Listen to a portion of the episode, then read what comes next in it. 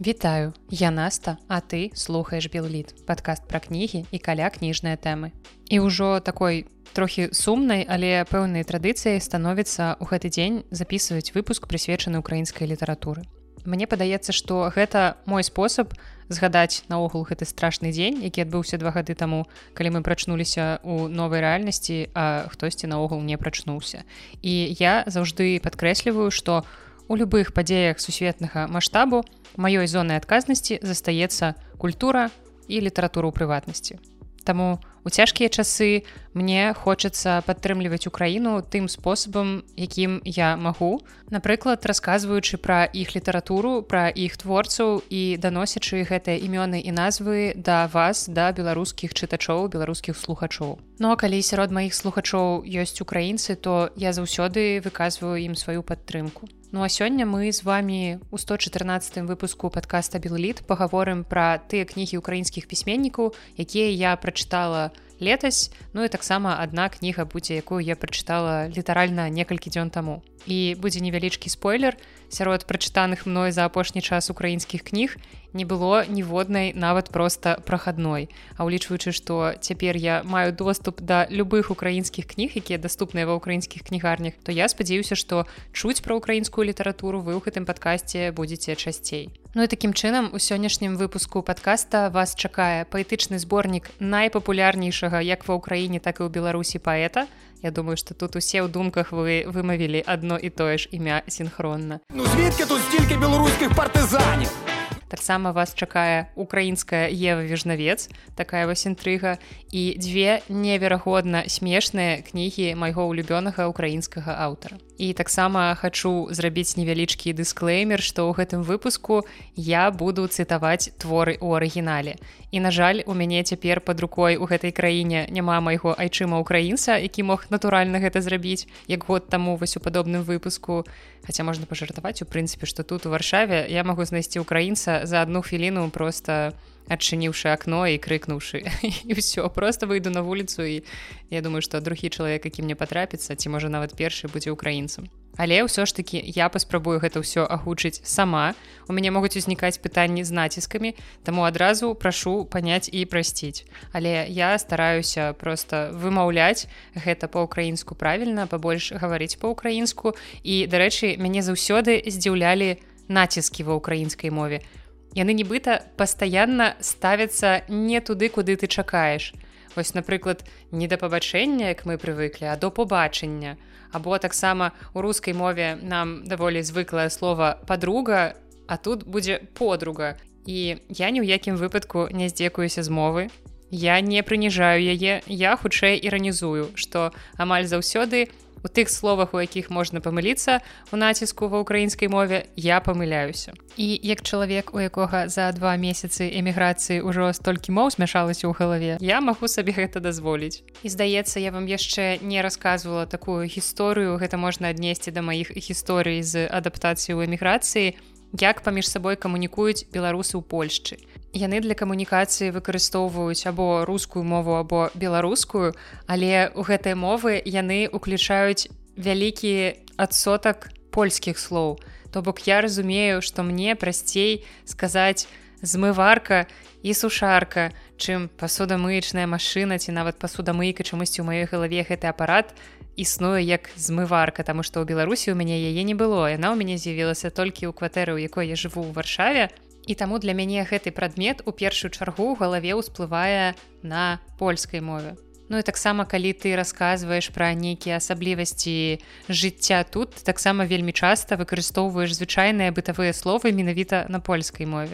У мяне насамрэч пакуль што такога не вельмі шмат вось акрамя сушаркі змываркі я асабліва не магу прыгадаць, але я і не так доўга тут жыву, так што паглядзім як будзе далей і дарэчы будзе невялічкі оф-топ такое хуткае уключэнне рубрыкі гісторый з кнігарні. Бо у чацвер завітаў амаль па самае закрыццё кнігарні нейкі хлопец паляк ён гаварыў па-польску і спытаў ці тут размешчаная беларуская кнігарня. Я сказала что так ён мне на тэлефоне паказаў фотаздымкі наших канкрэтных кніжак і сказаў што гэтыя кнігі яму трэба купіць для яго сябра беларуса. А потым ён попрасіў параіць яму яшчэ некаторыя кнігі толькі больш пазітыўныя Таму што ён у мяне спачатку спытаў пра што гэтыя кнігі якія ён купляе. Бо напрыклад адна кніга была успаміны рэпрэсаваных гарадзенцаў якая называется ніколі болей і на вокладцы ў яе калючы дрот. І зразумела што ніякія пазітыўныя асацыяцыі калі ты глядзіш на гэтую вокладку у цябе не ўзнікаюць. Ён не мог прачытаць як яна называецца і пра што яна але у прынцыпе па вокладцы зразумеў што штосьці там не тое. Ну і таксама другой кнігай была кніга па што ідзеш воўча я вывежнавец і гэтая кніга ў прынцыпе даволі пазітыўненькая зялёненькая яркая але я яму патлумачыла што гэта таксама таксама не самае пазітыўнае чытво. І далей ён попрасіў параіць яму штосьці больш светлае пазітыўнае бо чалавек якому хоча гэтую кніжку прывесці ён даўно не быў дома таму трэба нешта ну нешта павесялей чым успаміны рэпрэсаваных гарадзенцаў. І вось далей у мяне пачаўся сапраўдны квест калі мне трэба было шмат гаварыць па-польску пераказваючы сюжэты наших кніг. Я, канешне, вядома ж, з гонарам вытрымала гэта выпрабаванне, але адбыўся такі пэўны выхад з зоны комфорту тому что хоць я живу тут ужо два месяцы 21 лютага адсвяткавала два месяцы але насамрэч менавіта пальскамоўнай камунікацыі у мяне адбываецца не так шмат калі не лічыць там крамы ці штосьці падобнае. Але разам з тым я нядаўна задумалася что маё становішча тут у пэўнай ступені прывілеяванае калі глядзець на гэта у з моўнага пункту гледжання вось у параўнанні з іншымі эмігрантамі. Не толькі з тымі хто пераехаў у польшу але з тымі хто пераехаў у нейкія іншыя краіны больш далёкія наогул нейкія экзатычныя. Бо я пераязджала ў краіну мовай якой я валодаю якую я даволі добра ведаю у якой я ўсё разумею магу даволі спакойна на ёй камунікаваць асабліва калі разгаварыцца тому что тут на месцы больш практыкі гэта як бы дома ў беларусі у мяне не так шмат было практыкі менавіта у размове але у чытанні і слуханні праблем з практыкай не было таму як бы ўсё выдатна разумею. Таму я разумею што ад мяне хочуць на вуліцы калі мяне спыніць выпадковы чалавек. Дарэчы у першыя дні да мяне пастаянна на вуліцы падыходзілі палякі каб напрыклад запытацца якая гадзіна або куды там трэба дайсці там ці які толькі што адышоў аўтобус ідзе знаходзіцца там штосьці. Я думаю што класная настолькі асімілявалася што ўжо выглядаю як такая абсалютна упэўна упэўненая мясцовая. Хаця на той час я яшчэ хадзіла па вуліцы не адрываючыся ад телефона з мапай і праграмы як до яда Ну ці таксама ў нейкіх установах калі ты падаеш дакументы кудысьці на нейкія важныя рэчы звязаныя з тваім знаходжаннем тут я таксама ўсё разумею і магу паразумецца бо веданне мовы не толькі мне спрашчае камунікацыю тут але я магу сказаць што ў пэўнай ступені таксама дапамагае вось напрыклад у тых жа нюансах як пошук кватэры бо усе ўладальнікі кватэр якія я глядзела яны адзначалі мой узровень валодання польскай і здзіўляліся яму і мне падаецца ну я думаю что гэта мне пэўныя плюсікі ў іх вачах дадавала. І калі б напрыклад так здарылася что я б захацела у некую кватэру заехаць а там бы ўжо была чарга і быў бы кастынг ва ўладальніках этой кватэры мне паддалі перавагу сярод напрыклад нейкіх іншых беларусаў ці нават украінцаў менавіта таму что я валодаю польскай мовай. Ну і таксама мне падаецца что яшчэ больш важная немагчыма недаацаніць факт таго что я пераехала ў краіну мовы якой я валодаю агулам ягоную важнасць для майго псіхалагічнага стану. Бо калі ты мала таго што пераехаў чужую краіну гэта і так даволі стрэсавая сітуацыя. Дык ты яшчэ ніфіга не разумееш што табе там кажуць. Гэта мне падаецца крыху замаруджвае агулам нейкі працэс адаптацыі. А я напрыклад была пазбаўленая вось вялікай часткі гэтай адаптацыі менавіта моўнай адаптацыі. І Я не адчуваю абсалютна ніякага дыскамфорту з гэтай нагоды.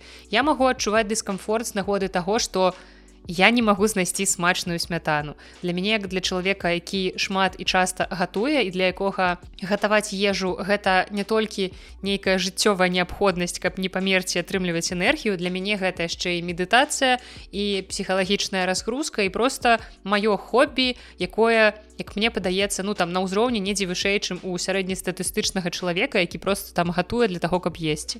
Для мяне гэта велізарная частка майго жыцця і мне жыццёва неабходна знайсці смачную смятану каб мае сырнікі былі са смачнай смятанай.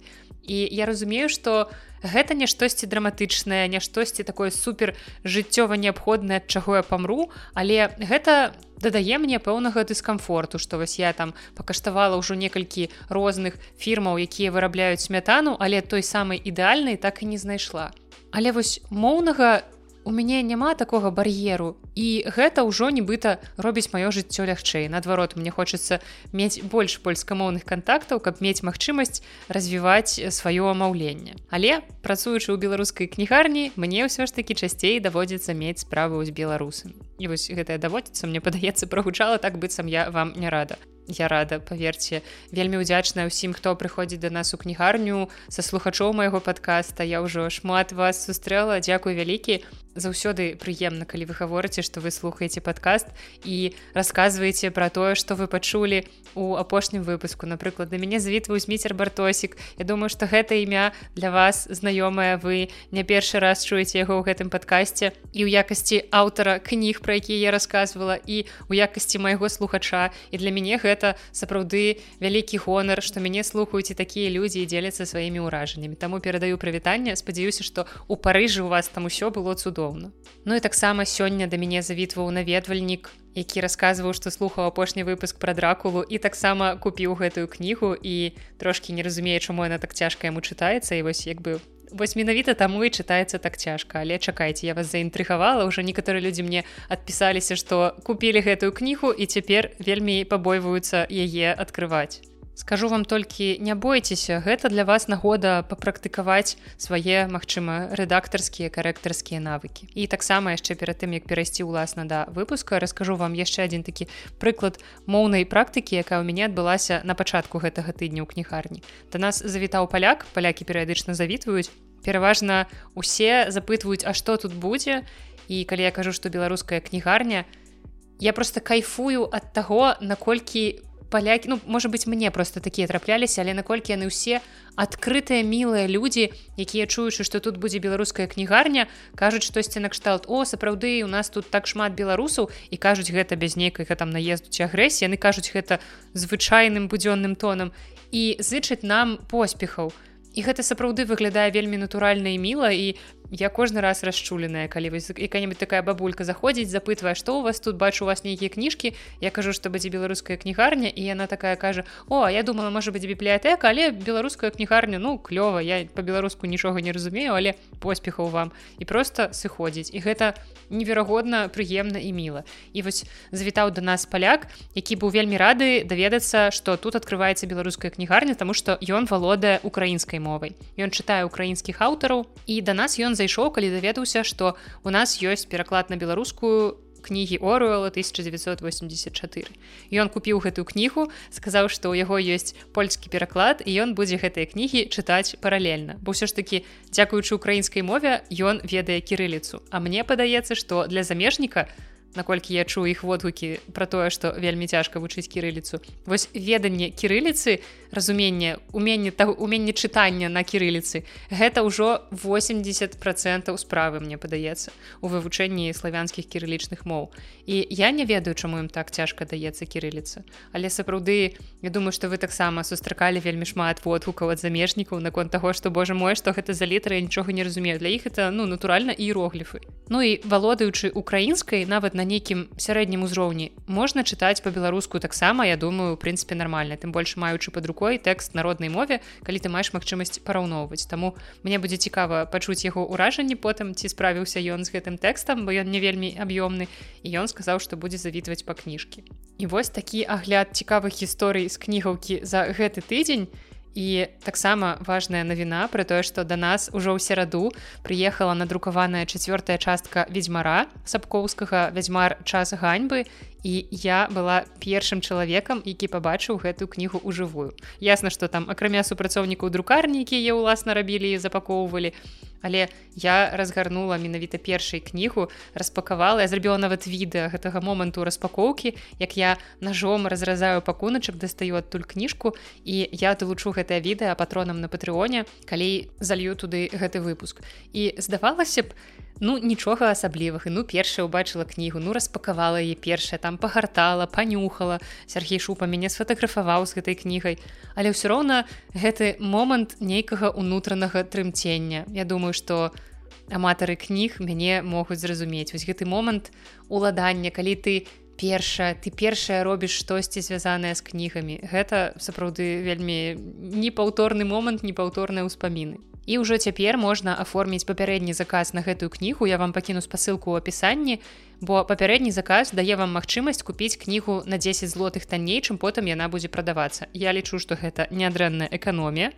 І афіцыйны старт продажаў 28 лютага ўжо ў наступную сераду і тады можна прыходзіць просто забіраць заказ у нашу стацыянарную кнігарню або калі вы не зрабілі папярэдні заказ калі ведаеце можете просто раскидываться грашыма налево направо і 10 злотых это нічога просто. Карацей можете просто ад серады прыходзіць у кнігарню і купляць ведьзьмара ўжо па поўнай цане Ну і таксама ад серады мы пачынаем паштовую рассылку папярэдніх заказаў і я ўжо запакавала частку кніжак на гэтыя паштовыя заказы і цяпер я на 90соткаў складаюся з кардону і скотчу. Я ўжо ненавіджу гэты пах скотчу, я ненавіджу гэты гук кардону, але ўсё роўна я атрымліваю асалоду, разумеючы, што людзі якія атрымаюць гэтую кнігу будуць з тым жа трымценнем з якім я распакоўвала першы асобнік ведьзьмара будуць з такім жа трымценнем распакоўваць сваю гэтую пасылку і кайфаваць. І я вельмі вельмі радуюся што я маю магчымасць далучыцца вось такім чынам да гэтай вашай радасці спакаваць яе для вас.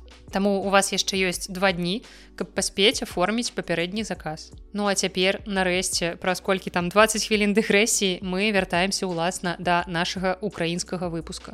Ну і таксама перадаю прывітанне ўсім тым хто слухае мой падкаст выгульваючы сваіх сабачак. І пачынаем гэты выпуск мы з паэзіі, таму што лірыка гэта такі род літаратуры, пра які я не магу гаварыць шмат. Таму што я не хачу вам тут рабіць нейкі аналіз вершу. Я не хачу разбіраць паэтычныя асаблівасці зборнікаў, Таму што для мяне паэзія, Няхай гэта вельмі непрафесійна зараз прагучыць з вусну філолага, але паэзія для мяне гэта тое, што або чапляе цябе, або не чапляе і калі вам як простым чытачам не абцяжараным філалагічнай адукацыяй не цікава чытаць вершы янкі купалы то ніякія тамы літаратуразнаўчых даследаванняў прысвечаны яго паэзіі вас не ўпэўніць у тым што гэта капец як прыгожа і цікава. Таму што вось не кладзецца вам на душу і ўсё і нічога з гэтым не паробіш. І наогул на месца купалы можна падставіць проста любога сучаснага ці класічнага паэта. Але для мяне ёсць такі у сучасны украінскі паэт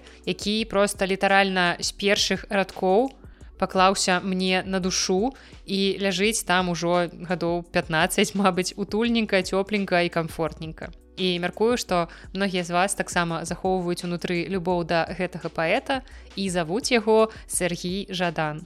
І мне падаецца што ў наш час уже неяк нават так попсова прызнавацца ў тым што ты любіш Сергея жадана але я лічу што няма ў гэтым нічога такога бо ён сапраўды неверагодна таленавіты аўтар. І ў свой мінулы прыезд у варшаву у іхняй украінскай кнігарні чытай свое я купила яго апошні паэтычны зборнік які называется скрыпны кіфка і гэты зборнік выйшаў летась у выдавестве меридиан черновец і як звычайна са зборнікамі жадана гэты аказаўся не толькі паэтычным але таксама яшчэ эстэтычным цудам. Яго зборнікі заўсёды вельмі цікава праілюстраваныя малюнкамі або фотаздымкамі і таму кніга з проста зборніка вершаў напоўненага нейкімі паэтычнымі сэнсамі ператвараецца ў сапраўдны арт-аб'ект. І на старонках канкрэтна гэтай кнігі змешчаныя 20 аўтарскіх фота якія зрабіў сам жадан. Кніга складаецца з 51 верша у ёй ёсць два раздзелы і у першым гэта вершы напісаныя да пачатку вайны а ў другім раздзеле пасля. І дарэчы я заўважыла паколькі гляджу даволі шмат украінскіх кніжных блогераў ці слухаю я заўважыла што звычайна замест слова вайна яны ўжываюць словазлучэння поўнамасштабнае вторгненне. І ну просто такое лінгвістычнае вам назіранне. Мачыма вы таксама заўважалі што які-небудзь украінскія блогеры выкарыстоўваюць гэта менавіта так. І вельмі цікава ў гэтым зборніку прасачыць вось менавіта гэты разлом тому что тэма расійска-украінскага канфлікту ў творчасці жадана яна прысутнічае нязменна ўжо ну гадоў 10 як бы ў прынцыпе з 2014 года дакладна і ён жа менавіта Сергей жадан стаў аўтарам ну бадай галоўнага украінскага рамана пра вайну які называется інтэрнат які ў нас выходзіў у выдавестве ў перакладзе наталкі бабінай. Але вось менавіта гэта поўнамасштабнае ўварванне дадало ягонай паэзіі нейкіх новых страшных адценняў. Всі патрабуюць дапамоги всі потребують співучасті. Поезія далі лишається різновидом медицини. Ні, вона не здатна вилікувати, проте здатна повернути надію. Ну і дзве часткі гэтай кнігі нібыта падзеленыя такой прорвай, якая раздзяліла свет 24 лютага 2022 года і вершы першай часткі пісаліся ў 21 і пачатку 22 года. Але яны ўжо напоўненыя трывожнымі прачуваннямі і ў чымсьці нават прадказаннямі. Немінучасцю як мне падаецца таго што далей настане. І нават цяжка паверыць што некаторыя з гэтых вершаў напісаныя да таго што адбылося і прыйде смерць до аднаго зі ста. І це один підійметься і вийде. Хай буде з намі те, чого не видно. Хай будуць з намі втрымані места. Ну і пасля 24 лютага у творчасці жадана наступіла пэўная цішыня і калі вы напрыклад сачылі за ім на фейсбуку то ведаеце што жадан пастаянна дзеліцца новымі вершамі ў стужцы але да лета 22 года ён не пісаў вершаў ну прынамсі не публікаваў іх і паэты нават замаўкаюць на час вайны. Але жадан вярнуўся вярнуўся з новымі моцнымі словамі якія падтрымліваюць бо як піша ён у сваім зборніку ніхто не запамятае тебе за тваім мовчаннем і я думаю что для паэта гэта вельмі важна. І коли тебе запытаюць навіщо? Не матимеш відповіді а одначе час писати нові віршы від старых віршів уже ніхто не плаче і наогул гэтая кніга пра мову і тут будзе дарэчы згадаць што наогул абазначае назва гэтага зборніка. І я вспомніла што я вам у пачатку сказала што не магу доўга гаварыць пра лірыку забудьце магу калі тут так шмат розных сэнсаў. І першапачаткова я думала што назва скрыпны кіфка гэта магчыма нейкі тапонім вось нейкая назва населенага пункта тому что ну пагадзіцеся даволі сімпатычна гучыць вёска скрыпны кіфка мне падаецца не горш за шчучаншчыну але аказалася што скрыпны кіфка гэта тое ж самае што таражкевіца па сутнасці. Гэта правапіс украінскай мовы. Ён быў зацверджаны ў 1928 годзе пасля ўсеўкраінскай канферэнцыі па правапісе, якая адбылася ў Харкаве ў 27 годзе. І на той час Харкаў быў сталіцай Украінскай рэспублікі і гэты правапіс, як і наша таражкевіца, якая атрымала назву гонар бронеславы таражкевіча, таксама атрываў назву ў гонар чалавека ў гонар народнага камісара асветы мыколы скрыпныка які гэты правапіс уласна і зацвердзіў. Таму гэты правапіс называюць таксама правопісам скрыпніка скрыпны кіевскім або скрыпны кіевкаю або таксама ў гонар горада яго называюць харкаўскім правапісам. І гэты правапіс пратрымаўся нядоўга таму што ўжо ў тридцатыя гады савецкія ўлады істотна перарабілі гэты правапіс наблізіўшы да рускай мовы. Адчуваеце чым пахне? Пахне нейкімі гістарычнымі паралелямі. І наогул скрыбныківка мае вельмі шмат агульнага з беларускім класычным правапісам. Агульнага не толькі ў гісторыі але агульнага таксама і менавіта ў правапісе. Ну а большасць удзельнікаў канферэнцыі гэтай ўсеўкраінскай канферэнцыі па правапісе пазней былі рэпрэсаваныя. Таму пахне паралелямі ўсё больш, але адчуваецца ўвесь сімвалізм назвы гэтага зборніка. Таму калі вы можаце чытаць жадана ў арыгінале, то чытайце. Другая кніга ў сённяшнім выпуску зусім нядаўна пабачыла свет па-беларуску ў выдавестве пляумбаум. І гэта кніга украінскай пісьменніцы Марыі Маціёс салодкая Даруся. Украінскі арыгінал выйшаў у 2004 годзе і паводле украінскага пэн-клубу кніга ўвайшла ў спіс 100 найлепшых твораў украінскай літаратуры. Ну гэта ўжо такая заявачка. І гэты раман гэта глыбокае пагружэнне ў свет украінскай культуры. Хаця наколькі я пачытала, што казалі наогул ва ўкраіне пра гэты твор, ён для украінскай літаратуры не вельмі тыповы і нават трошкі я б сказала эксперыментальны.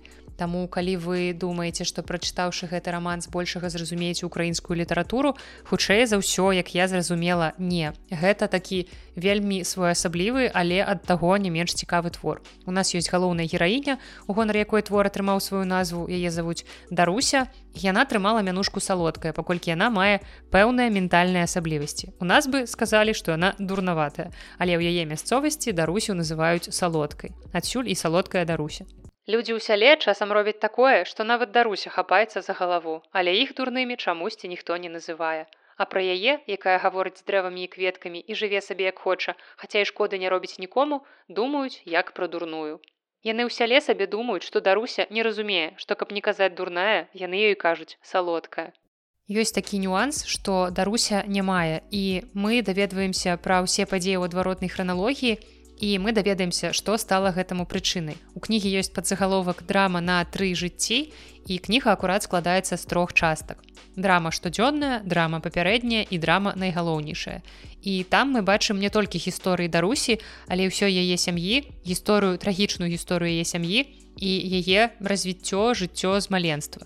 Падзеі разварочваюцца ў горным мястэчку якое знаходзіцца на букавіне. Гэта такі гісторыка-этнаграфічны рэгіён які размешчаны на украінска-румынскім памежжы. І сапраўдна імя дарусі дарына. Яна нарадзілася ў сорокавым годзе яна нарадзілася цалкам здаровай але яна перанесла ў дзяцінстве вельмі вялікія стрэсы і гэта моцна паўплывала на яе псіхічны стан Паводле сюжэту яна фактычна здала сваіх бацькоў, пасля чаго да іх прыйшлі з вобыскам.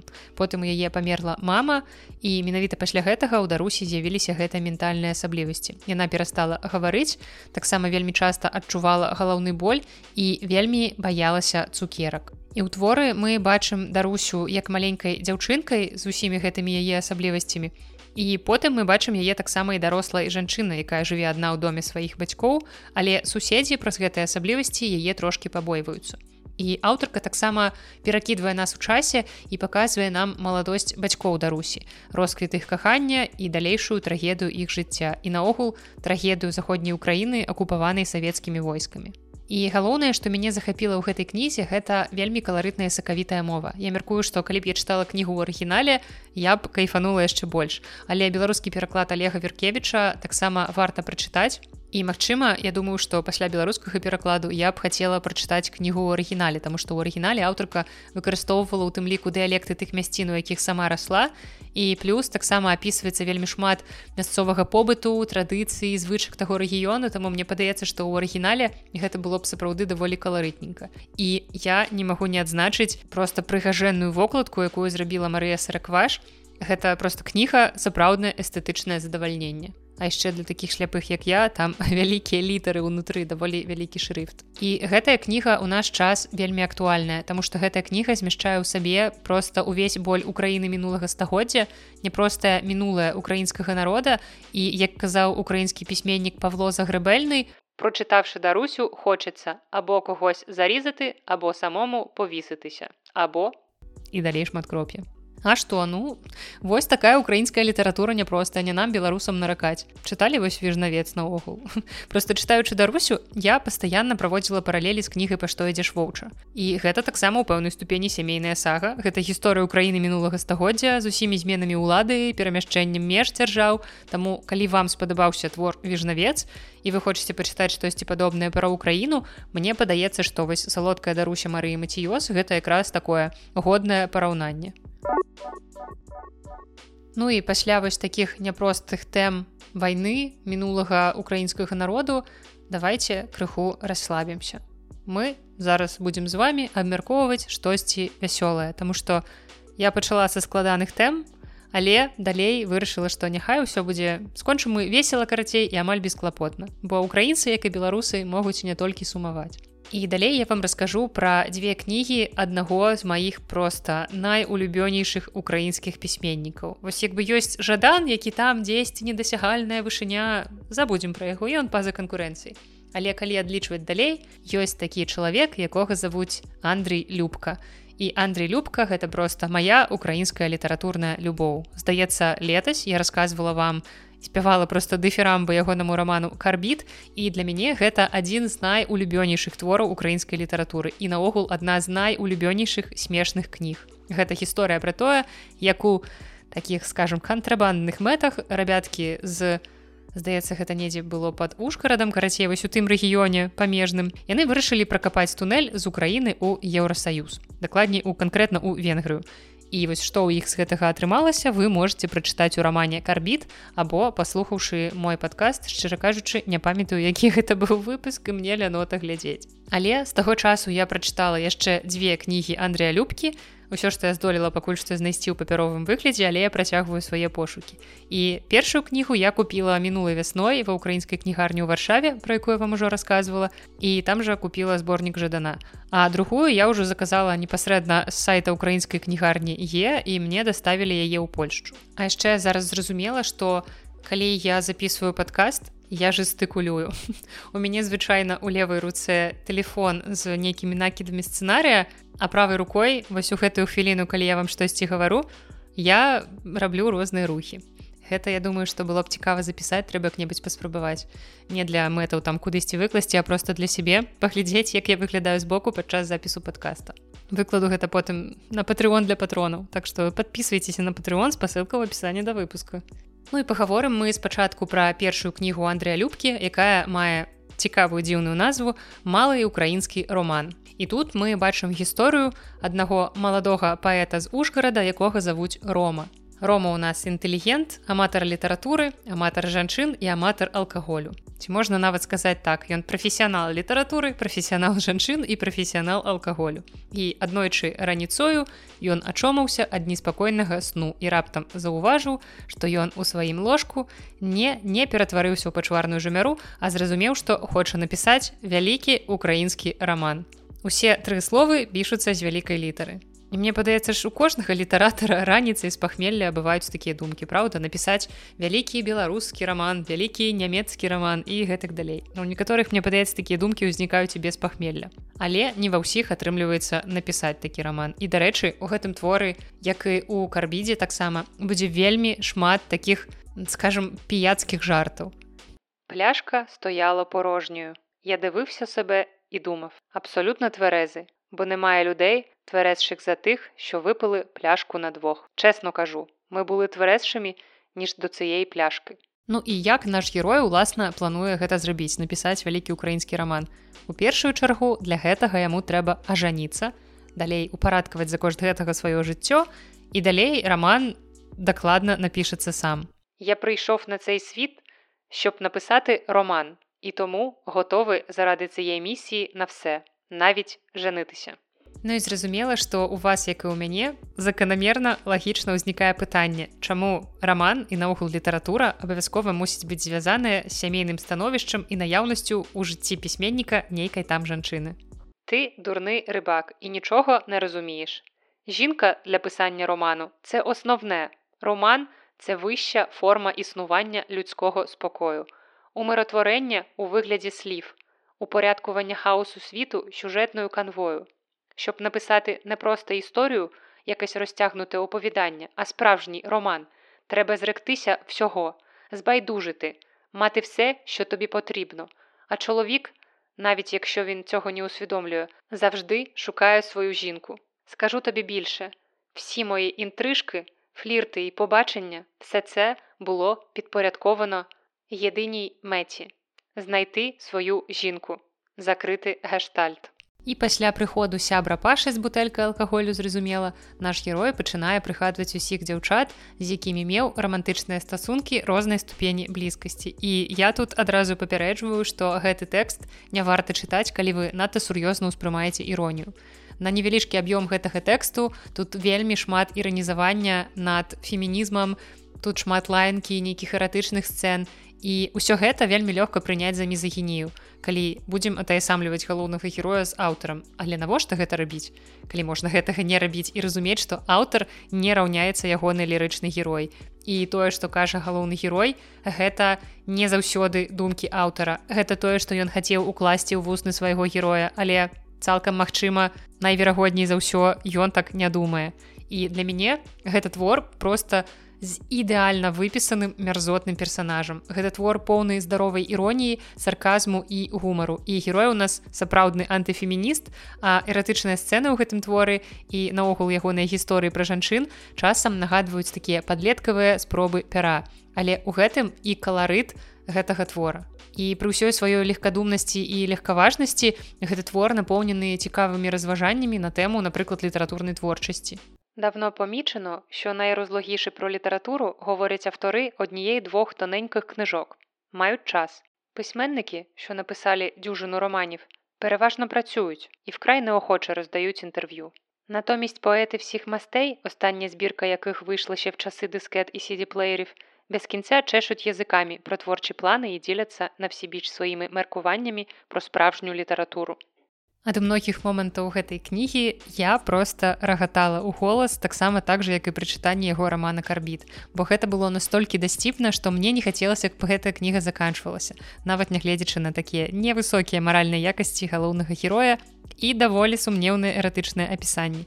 Але ўсё ж такі цудоўны гумар выдатная гульня слоў гэта тое што заўжды мяне прываблівала і ў літаратуры і ў жыцці. І цяпер я буду выкарыстоўваць слова хламідыя зусім у іншым значэнні бо як піша аўтар хламідзія бо вона любіць хлам. І таксама я не магу перастаць думаць пра слова гріхо-католык разумееце? Гріхо-католык і гэта вельмі сцёбная кніга якая кпіць літаральна з усяго нават з літаратуры.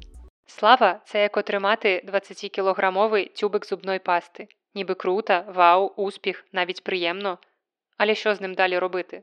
І гэта тэкст, які не варта ўспрымаць у сур'ёз і тым больш крыўдзіцца на аўтара. Трэба проста расслабіцца і атрымліваць асалоду, дазваляючы сабе рагатаць з эпізодаў, за якія людзей у нашым сучасным культурным жыцці маглі б закэнселіць. Хтосьці назаве гэты раман пашляцінай. Але калі вы не сноп, калі вы часам любіце пахіхікаць чагосьці такога на мяжы, то to the клап аматараў Андрея Любкі, я вас тут чакаю з задавальненнем. Вытанчаны сцёб змяшаны сюррэалізмам. Ну і другая кніга Андрэя Любкі і трэцяя з маіх прачытаных у яго. Гэта ўжо не мастацкі твор, а такі зборнік невялічкіх эсэ, нібыта аб'яднаных тэмай падарожжу, як нам кажуць у анатацыі, але насамрэч твору вельмі разнастайных. Кніга называецца що зімною не так і кожны з нас у пэўны момант, як мне падаецца, адчувае сябе як у назве кнігі. І магчыма, у гэтай частцы падкаста вы пачуеце шоргат старонак, таму што гэтую кнігу я прачытала зусім нядаўна, таму дзялюся ўражаннямі ад яе літаральна па гарачых слядах.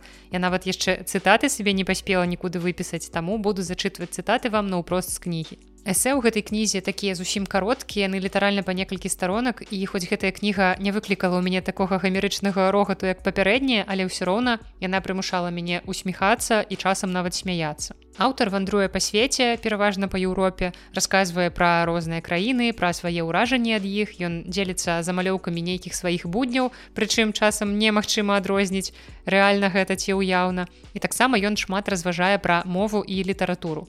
І размову пра гэтую кнігу я хачу пачаць акурат з моўнага апавядання, Таму што падчас чытання гэтага апавядання у мяне літаральна ўзнікалі в'етнамскія флэшбэкі. І называецца гэтае эсэ нацыя білінгвалів і пачынаецца яно такімі словамі.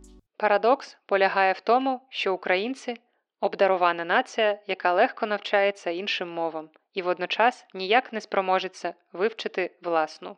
Ведаеце, штосьці плакаць захацелася. Гэта, магчыма, жыза мне ў вока трапіла. І ў гэтым творы пісьменнік расказвае нам гісторыю таго, як ён разам са сваім сябрам літаратарам і рэдактарам быў у кракаве яны прыйшлі ў нейкі бар рэстаран штосьці такое і чакалі афіцыянтку.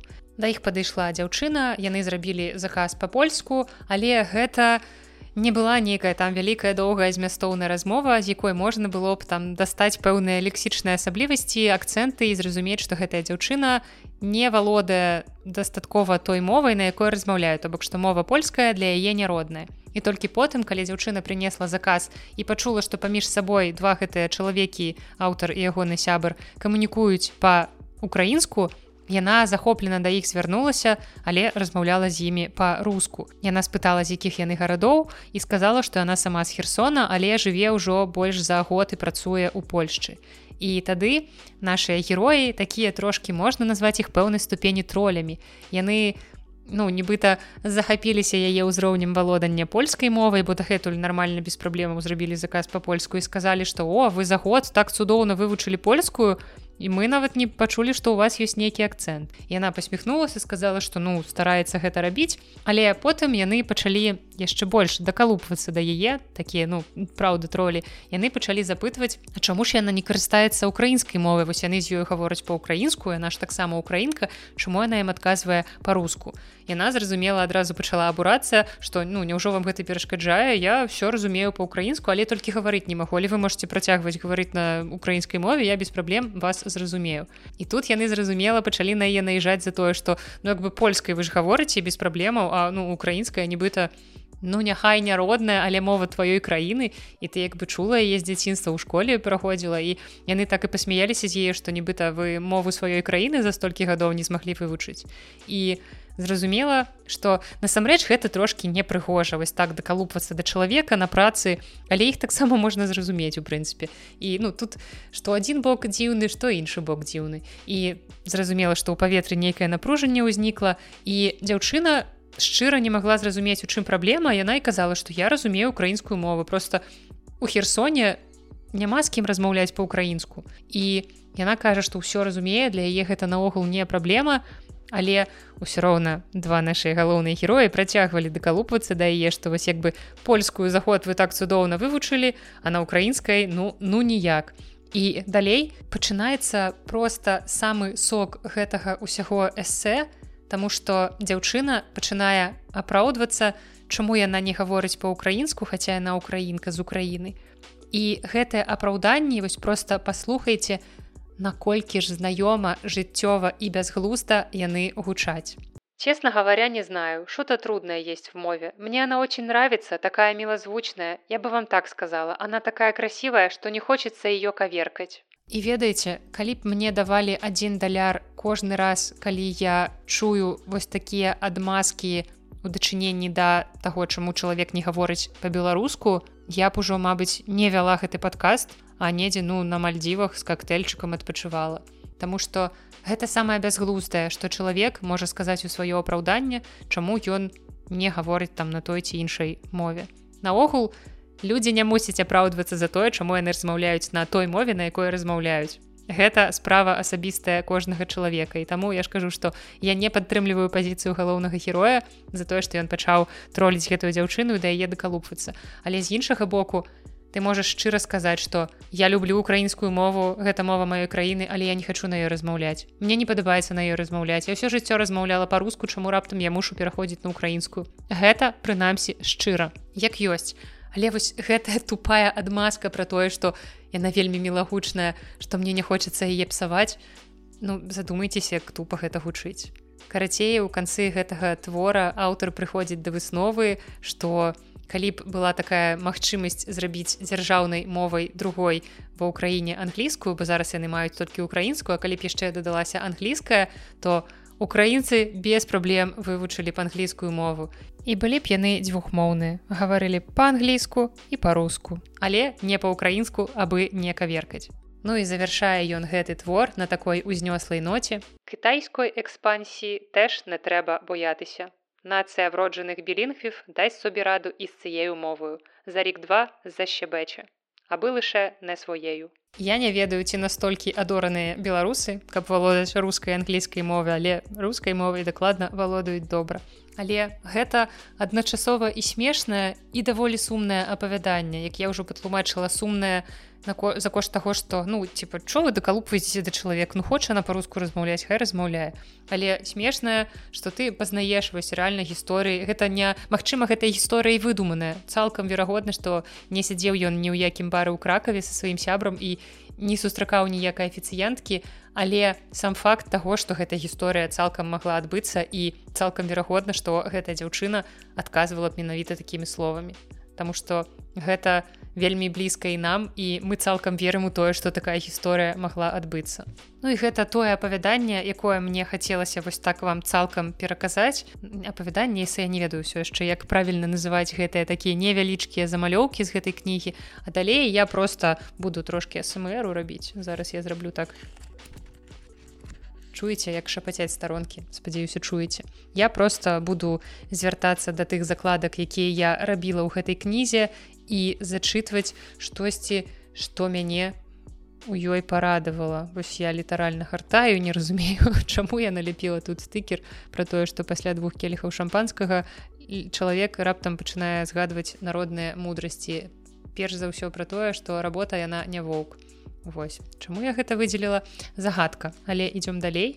І далей ой цудоўнае апавяданне якое просто адлюстроўвае у маё жыццё гэта апавяданне якое называется таким словам у якім я просто эксперт і кандыдат навук у гэтай навуцы і гэта апавяданне называется лежачалогія і я сапраўды маю чорны пояс по вось гэтым усім. І аўтар тут адзначае наколькі важна і натуральна для чалавека ляжаць што чалавек пасля нараджэння не можа сядзець не можа адразу зразумела стаяць і першыя месяцы свайго жыцця чалавек да гэтага свету адаптуецца і проста ляжыць. Плюс таксама на карысць таго што ляжанне гэта ледзь не найважнейшае ў жыцці чалавека сведчыць яшчэ і тое што заканчэнне жыцця таксама адбываецца лежачы. Мы кладземся ў зямлю мы ляжым у труне. І просто у цудоўнае вызначэнне аўтар дае жыццю, што жыцця це проста перыяд між двома лажаннямі. Мне здаецца, больш геніяльна сказаць немагчыма. І яшчэ адна рэч, якая прымусіла мяне ўсміхацца, я абажаю гульню слоў і ў гэтым апавяданні цудоўная гульня слоў пра тое, што хіба не відавочна, што найуплывовейшая ў свеце таемная арганізацыя называецца не сыжа, а ложа рэальна. Вы думалі пра гэта? Я вось цяпер буду думаць пра гэта бясконца што масоны яны рабяты не дурныя яны ведаюць толку радасці жыцця. Таксама проста назвы апавяданняў у гэтым зборніку гэта асобны від мастацтва напрыклад апавяданне под назвай гіпстер эзотэрык вегетарыянаць А яшчэ таксама пагадзіцеся, што самыя смачныя ягады, вішня або чарэшня гэта не тыя, што ты купіў на рынку, а тыя, што ты скраў у суседскім садзе гэта жыццёвая філасофія якая просто ў ёй уся сутнасць жыцця.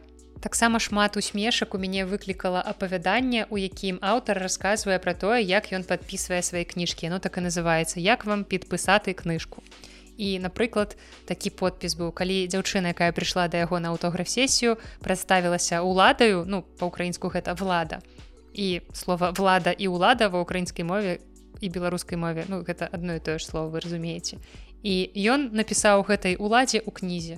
Владзе від опозіцыі по-беларуску гэта таксама гучыць цудоўна таму беларускія пісьменнікі калі ласка запамінайце калі раптам да вас прыйдзе падпісваць кнігі дзяўчына якую завуць улада вы можете падпісаць ю кнігу уладзе ад апозіцыі Ну ці таксама ён расказвае, як дасціпна падпісвае свае кнігі рэдактарам і карэктарам. Ён піша, што гэта подпіс адзінаму чалавеку, які дакладна прачытаў гэтую кнігу ад першай да астатняй старонкі. Ну а выдаўцу ён падпісвае ну славу нацыі ты вже точно збанкрутуеш.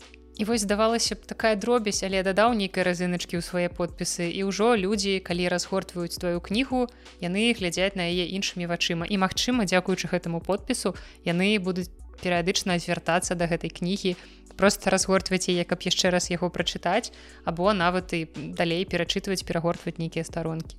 Ну і акрамя нейкіх смешных трапных дасціпных заўваг у гэтым творы даволі шмат сапраўды сур'ёзных таких даволі трапных разважанняў не гумарыстычнага характару.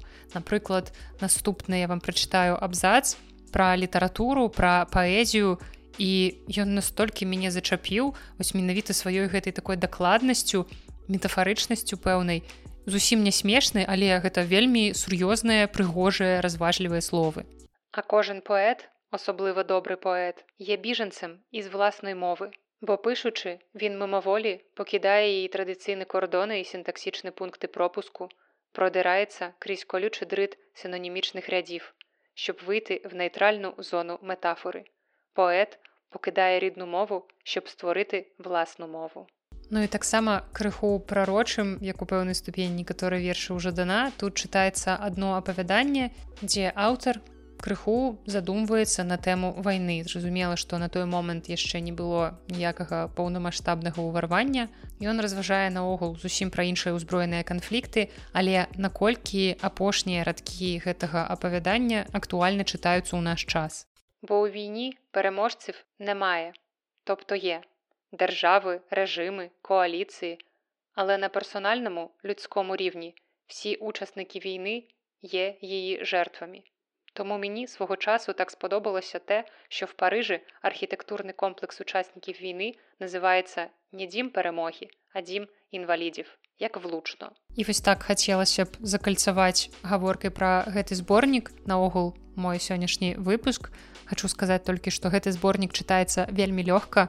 У аўтара неверагодна сакавітая мова вельмі такі нават паветраны стыль. Хочацца просто гартаць старонку за старонкай але я все ж таки пастаралася гэтую кнігу расцягнуць на некалькі вечароў. І наогул яе цудоўна чытаць літаральна там па пары апавяданняў перад сном. Каб кнігі хапіла там можа быть тыдні на два. Але яна сапраўды невялічка і гэта будзе вельмі цяжка тому что калі ты ўжо пачаў яе чытаць ад яе вельмі складана адарвацца. Ну і важна заўважыць што кніга была напісаная ў 22 годзе да ўсяго таго што адбылося потым. Таму у гэтай кнізе сапраўды адчуваецца пэўная лёгкасць гэтага свету да.